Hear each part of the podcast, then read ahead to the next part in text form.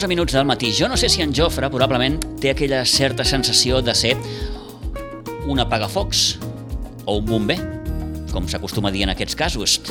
El 2018, el Club Patí Vilanova li va dir Jofre, hauries d'agafar l'equip femení perquè les coses no van bé.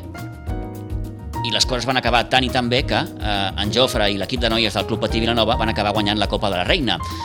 Ara es produeix una situació més o menys similar. Eh, amb la diferència que entenc modestament que l'empresa és bastant més complicada. Uh, Pau Viadel, president del Club Patí Vilanova, li va proposar en Jofre, que és coordinador de la base del conjunt vilanoví, que es fes càrrec de l'equip, del primer equip masculí, que està en l'Hockey Lliga, a no, perdó, a l'Hockey Plata, eh, a l'Hockey Plata, uh, després de la renúncia que va uh, fer en Jordi Esteve. Saludem en Jofre Vilà. Jofre, bon dia, bona hora. Hola, bon dia. Què tal? Doncs mira, aquí eh, intentant apagar focs, no?, com dius. Tens la sensació aquesta, Jofre, o no? No, no, perquè bàsicament jo sóc un, un entrenador que m'agrada a l'hoquei i els reptes també m'agraden. Uh, quan es va plantejar la situació, una altra de les tantes que es presenten en un club uh, com el Vilanova, doncs no ho vaig plantejar d'aquesta manera, simplement vaig plantejar com feina que tenia que fer. Uh mhm. -huh.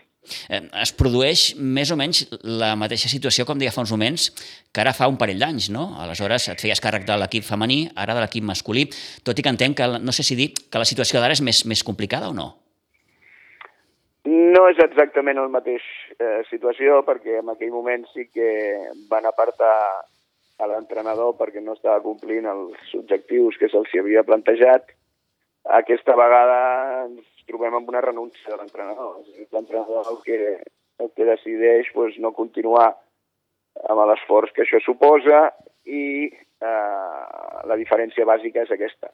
Eh, conceptualment, pues, sí, és, és més difícil perquè si et trobes un entrenador que, que no es es creu amb les possibilitats de poder tirar el projecte endavant és perquè el projecte potser té més punts febles que els que ens podem imaginar. Uh mhm. -huh. I ara per ara no sé si dir que el primer equip eh, del Patí Vilanova, Jofre, té, té bastants punts febles, no?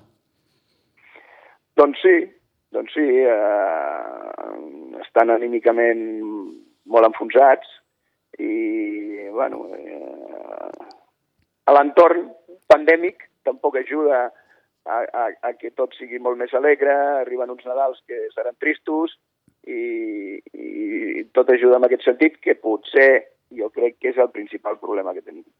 Has pogut ja, o has tingut temps ja de fer una radiografia de l'equip o no? Home, en profunditat, no. Val. Perquè portem un entrenament, eh, com qui diu, mm. eh, a nivell eh, d'entorn i a nivell d'equip i a nivell eh, potser superficial, he sigut dels poques persones que han pogut veure els partits, perquè és una altra d'aquestes situacions, i viure els partits, perquè com que tampoc es pot entrar a veure partits i, i, i els desplaçaments també són restringits, etc etc. soc de les poques persones que en aquest sentit sí que he pogut seguir l'equip. És una altra de les eh, condicionants per les quals es dona aquest tipus de relleu perquè, és clar tampoc eh, pots anar a buscar un altre entrenador perquè té molts eh, problemes per poder tindre informació en aquests moments dels equips que estem jugant a hockey a, a la categoria estatal. Uh -huh. eh, tiro de diagnòstic fàcil, Jofre, si m'ho permets. Eh, mm, números en mà, el Vilanova és un equip feble en defensa. Crec que sou el segon equip que, que, que, que més gols rep. N'heu encaixat fins a 51, després dels 8 que veu encaixar l'altre dia a Madrid. Sí, mm, és veritat, el que potser és diferent és que de la manera que vam jugar a Madrid l'últim dia no es va semblar en res amb com jugàvem abans. Eh, és, és, és hasta a vegades aquestes coses de l'estadística té la seva diguem gràcia, mm. ja que ens trobem que, per exemple, amb sistemes molt tancats com estàvem jugant fins ara, a mi personalment no sóc defensor dels sistemes tancats, m'agrada l'espectacle, m'agrada l'hoquei per jugar, i ens trobem que ens fan els mateixos gols jugant amb sistemes oberts que amb sistemes tancats. Eh, això potser és, és, és greu, perquè si juguem diguem-ne, defensivament projectats, ens fan molts gols, eh, potser no és tan greu que ja ens puguem obrir a la situació real de l'equip i també ens ens facin. O sigui, potser ens és més fàcil començar-se a plantejar que tenim que treballar més i que tenim que buscar um, un sentit molt més, diria, com, com ho podria explicar, dinàmic mm. del joc amb el que tenim i començar-se a preocupar de que en tenim que fer més de gols i no estar tan preocupats de que no se'n facin tants. Eh, entenc que l'objectiu a llarg termini ha de ser intentar salvar l'equip, eh, que, no, que no perdi categoria. A curt termini, Jofre, mm, què et planteges? Ara, a curt termini, com que tenim un mes de, diguem-ne, de, de calatge fins al pròxim partit, eh, treballar bàsicament els punts aquests d'intensitat de joc i de, de búsqueda ofensiva i de, de sobretot de, de que els jugadors tornin a creure en ells mateixos com a jugadors d'hoquei. Ja, entenc, i em sembla que ho deies ara fa uns moments, l'estat anímic de l'equip, vaja, no és l'idoni per tot plegat, eh? perquè evidentment els resultats no acompanyen, perquè ens trobem tots plegats en aquesta situació de, de, de pandèmia, eh, en fi, tot, tot plegat eh, es fa difícil de portar, no? suposo. Sí, sí, és, és, és bàsicament el problema que tenim, o sigui, que els jugadors eh, tornin a pensar que, que, és, que són jugadors d'hoquei eh, i això és molt complicat destreure'ls de tot aquest entorn eh, un entorn, a més, eh, on la qüestió econòmica no és propícia, on les relacions personals són complexes, és, és complicat. Mm -hmm. sí. eh, Jofre, com, com poden arribar a casar aquests dos conceptes? El concepte eh, d'hoquei dinàmic, d'hoquei alegre que tu sempre has defensat, eh, sempre has dit que mm, per tu l'hoquei ha de ser un divertiment o no pas un, un patiment, si no recordo malament. Com casa, per tant, aquest concepte amb el concepte Eh, de tenir aquesta, mm, deixa-m'ho dir així, mm, certa pressió d'haver de guanyar, de tenir resultats per, per, per sortir d'aquí? Uh, ser feliç amb algú que t'agrada. Hmm. És aquesta l'expressió exacta, o sigui, poder uh, desenvolupar una cosa que t'agrada eh, sense estar preocupat contínuament dels, poder, de, dels possibles errors o de les possibles, eh, com diria jo, faltes de, de concentració, o sigui, quan algú t'agrada i, i algú vols desenvolupar, desenvolupar i ets feliç fent-ho, eh, no, no et preocupen moltes coses i és aquest el sentit en què a mi m'agradaria que estiguessin jugant en aquests moments. A partir d'aquí podríem avaluar en quina és la situació real a nivell inclús estadístic de, de, de l'equip i llavors dir eh, aquest és el problema. Però és que actualment jo crec que eh, avaluar l'equip en un sentit de dir és que estadísticament és el que diu, sí, però és que no hi som. O sigui, el problema és que no hi som. I com que no hi som, eh, primer tindríem que ser-hi per començar a dir eh, aquests són els vostres números. I aquí és on estem. A partir d'aquí tinc ja el concepte d'hoquei més dinàmic o més maco o més, diguem-ne, més, més espectacular, que és el, potser el que més m'agrada a mi, però aquest seria ja un, un, un altre esgraó. O sigui, primer el que necessitem és estabilitzar l'equip i que ells es, entenguin que, que, que jugar a hockey és algú que, que els reporta felicitat. Mm -hmm.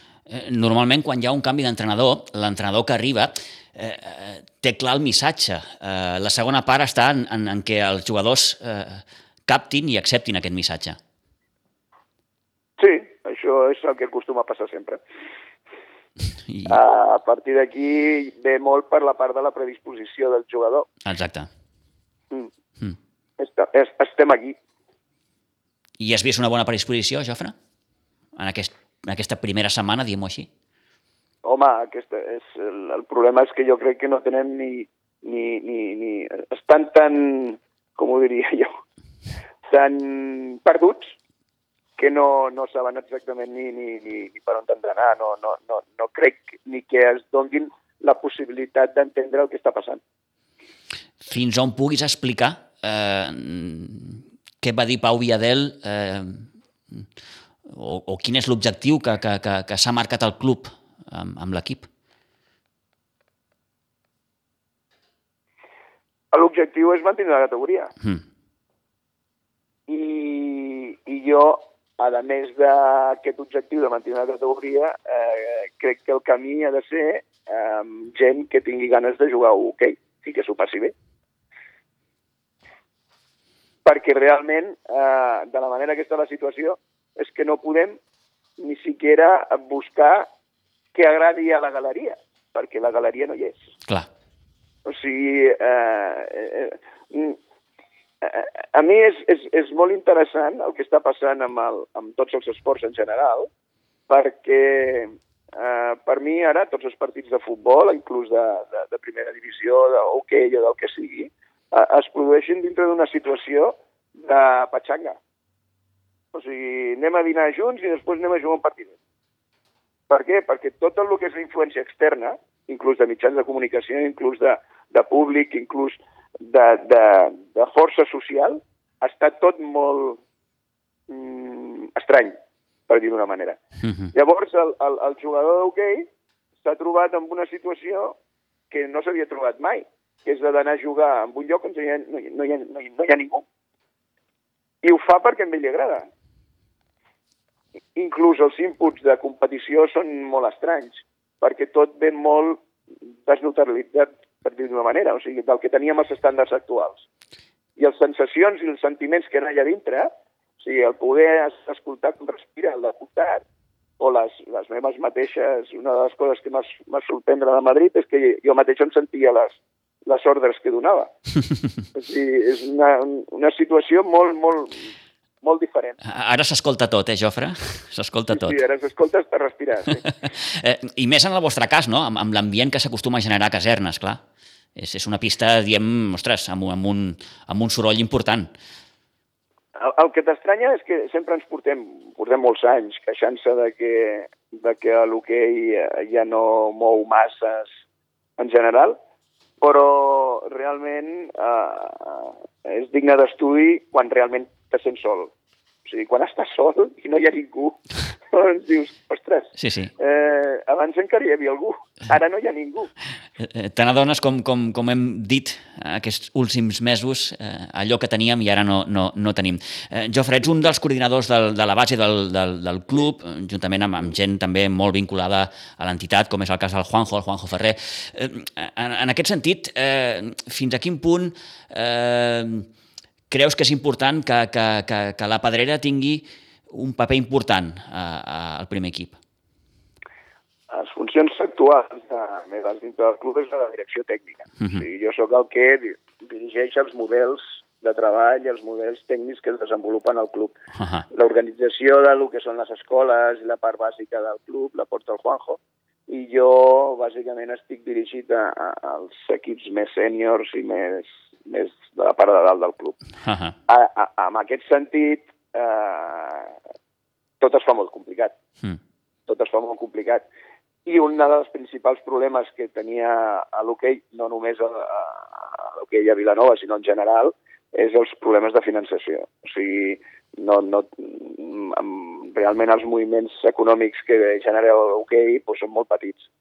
Això obliga, des de ja no ara, sinó des de potser ja fa 10 o 12 anys, que els clubs es dediquin molt, molt, molt, molt exclusivament a la, a, a la base i es miri de desenvolupar aquest espai ja no com un sistema econòmic, sinó simplement com un, quasi, quasi un, un, una actuació vital. No? El, el club que en un moment de, determinat no sigui capaç d'afrontar una categoria amb un mínim d'estructura de feta pròpia, eh, segurament es trobaran molts problemes. Aquesta és la sensació que vam tindre ja fa uns anys, eh, tant el Juanjo com jo, com el Toni Ramírez, com el Pau Iadel, mm. eh, com l'Òscar González, que són la gent que més o menys porta el club, i eh, ens vam dedicar en aquest sentit el que no potser pensàvem és que a sobre tindríem una pandèmia que a sobre ens generaria més problemes. Però, però bàsicament sí, o sigui, jo crec que actualment un equip d'hoquei que no es dediqui a la base pues, eh, té el recorregut molt curt. Està clar. Et faig les dues últimes, Jofre. Eh, mm, tens a les teves ordres el teu fill, el Jofre Júnior. Eh, és difícil gestionar eh, eh, i allò que diem sempre, no? on, on comença eh, el, i acaba el pare Jofre i on comença i acaba el, pare, el, el Jofre entrenador. El pare Jofre hi és sempre. Està clar. No, des del dia que va néixer i el pare entrenador va començar tres anys després. Mm -hmm. O sigui, tampoc és tan complicat. Eh, portem tota la vida junts. Sigui, no...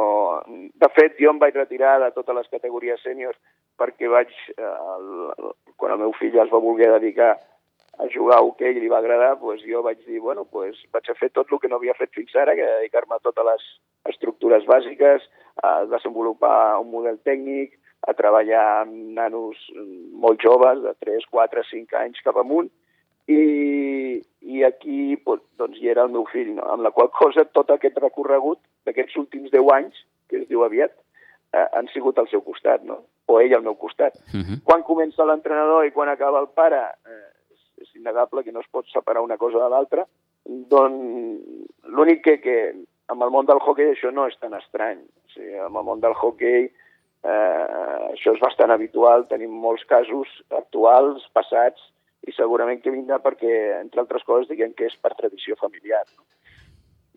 No, a mi no se m'està fent complicat, a més, eh, per mi és un orgull poder, poder portar amb el meu fill i, i inclús tots els que, els que van pujar amb ell perquè són, són un grup fantàstic on hi ha molt bons nanos i, bueno, entre altres coses, són campions d'Espanya. I això ja demostra que amb el món de l'hoquei això és molt complicat. Oh, i tant. Uh -huh. Uh, I ara sí, la última. Uh, clar, algú deu preguntar què fa el Jofre Vilanova sent de Sitges? És, és, una, és aquella eterna cançó i aquella eterna pregunta, no? Eh, eh, sent el Jofre, doncs, vaja, crec que part important de la història del, de l'hoquei a Sitges.